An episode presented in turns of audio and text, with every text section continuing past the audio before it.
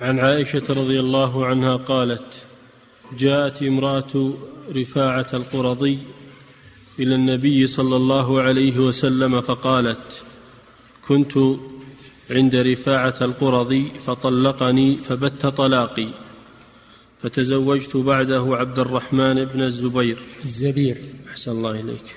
فتزوجت بعده عبد الرحمن بن الزبير. نعم. أحسن الله إليك. وإنما معه مثل هدبة الثوب.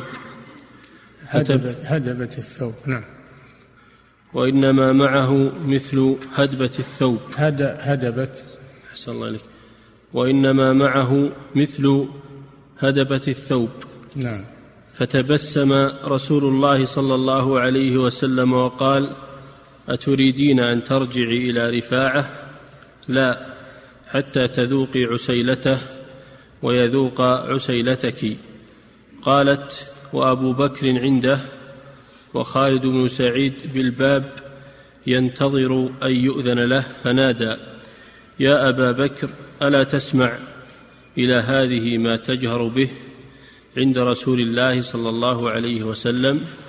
نعم هذا الحديث فيه أن زوجة رفاعة القرظي قرظي نسبة إلى بني قريظة من اليهود. وكان قد أسلم.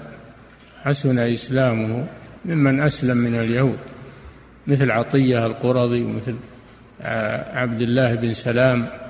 فقد أسلم منهم من أسلم وحسن إسلامه مثل كعب الأحبار وهمام بن منبه وغيرهم من أحبار اليهود الذين أسلموا وحسن إسلامهم.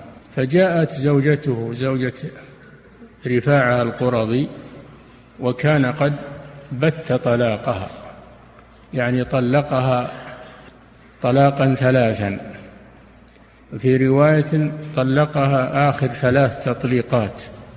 ومعلوم من القرآن الكريم أنه إذا بانت منه بالطلاق الثلاث فإنها لا تحل لزوجها الأول حتى تنكح زوجا غيره. قال تعالى فإن طلقها يعني الثالثة فلا تحل له من بعد حتى تنكح زوجا غيره. والمراد بالنكاح الوطء ليس العقد بدليل هذا الحديث. وهذا مذهب جمهور أهل العلم أن المراد بتنكح زوجا غيره يعني يطأها بعقد صحيح ولا يكفي مجرد العقد لا يحلها للأول. وقالت إن عبد الرحمن بن الزبير الذي تزوجها بعد رفاعة ليس معه آلة ضعيف الشهوة أو ضعيف الآلة فلم يصل إليها. لم يصل إليها فتبسم النبي صلى الله عليه وسلم تبسم صلى الله عليه وسلم من كلامها وهذا من حسن خلقه صلى الله عليه وسلم وتبسطه مع أصحابه ومع السائلين. تبسم عليه الصلاة والسلام وكان ضحكه عليه الصلاة والسلام التبسم. ولا يقهقه الضحك بل كان إذا بالغ في التبسم بدت نواجذه صلى الله عليه وسلم. حتى بدت يقولون حتى بدت نواجذه. هذا أشد ما يكون من ضحكه صلى الله عليه وسلم. أما القهقهة والصوت فهذا من سوء الأدب. هذا من سوء الأدب. إذا ضحك الإنسان فلا يبالغ بالضحك والقهقهة حتى يسمع له صوتا مزعجا تبسم صلى الله عليه وسلم. من جرأتها من جرأتها مع الرسول صلى الله عليه وسلم. حتى إن خالد بن سعيد رضي الله عنه استنكر هذا. وقال يا أبا بكر وكان حاضرا عند الرسول صلى الله عليه وسلم ألا تسمع ما تقول هذه عند رسول الله صلى الله عليه وسلم؟ فهذا استنكار منه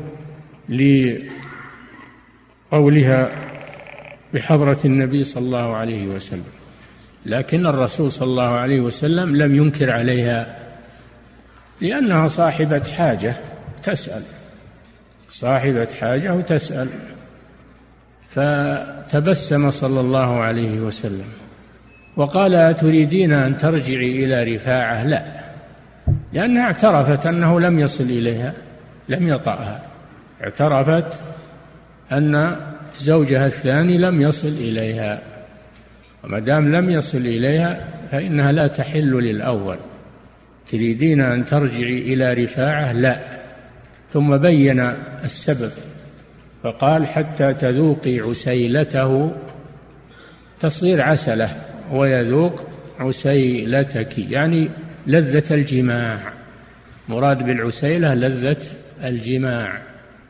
وذلك بالإيلاج سواء أنزل أو لم ينزل. إذا أولج فقد ذاق عسيلتها وذاقت عسيلته سواء أولج أو لم يولج. فإذا لم يولج فإنها لا تحل للأول.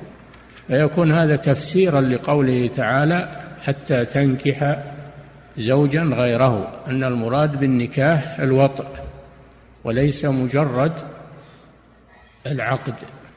فدل هذا الحديث على مسائل. فيه أنه لا بأس أن السائل يتكلم بما قد يستحيا من ذكره للحاجة. يتكلم بما قد يستحيا من ذكره إذا دعت الحاجة إلى ذلك. ثانيا فيه الرجوع إلى أهل العلم. فإن هذه المرأة رجعت إلى النبي صلى الله عليه وسلم تسأله عن حكم عودتها إلى زوجها الأول. ولم تعتمد على فهم الناس أو قول الناس بل رجعت إلى إلى إلى المعين الأصل وهو الرسول صلى الله عليه وسلم. وهكذا ينبغي لمن عنده سؤال أن يرجع إلى أهل العلم.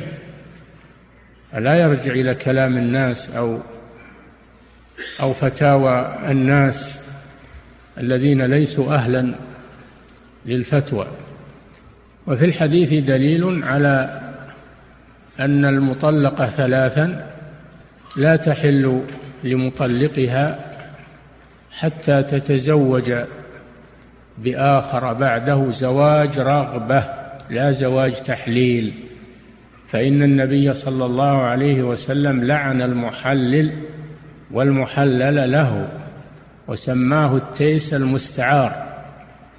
فلا يجوز أن يتخذ حيلة فتتزوج زوجا تريد به أن يحللها للأول بل لا بد أن فإذا فعلت لم تحل للأول ولو وطئها لا تحل للأول حتى يكون الزواج زواج رغبة وأن يتركها ويطلقها رغبة عنها ما يطلقها علشان الأول.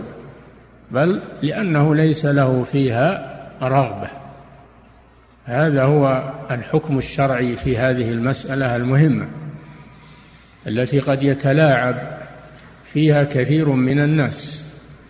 وفي الحديث دليل على أنه لا يكفي العقد بل لا بد من الوطء بعد العقد. فلو طلقها بعد العقد قبل أن يطأها فإنها لا تحل للأول لأنه لم يحصل الشرط لأنه لم يحصل الشرط المقصود بالآية حتى تنكح زوجا غيره. نعم. وفيه أنه مطلوب التأدب مع رسول الله صلى الله عليه وسلم والتأدب مع أهل العلم لكن إذا دعت الحاجة إلى ذكر شيء مما يستحيا منه لأجل البيان لا من أجل تنقص المفتي أو العالم وإنما من أجل البيان فلا بأس بذلك. نعم.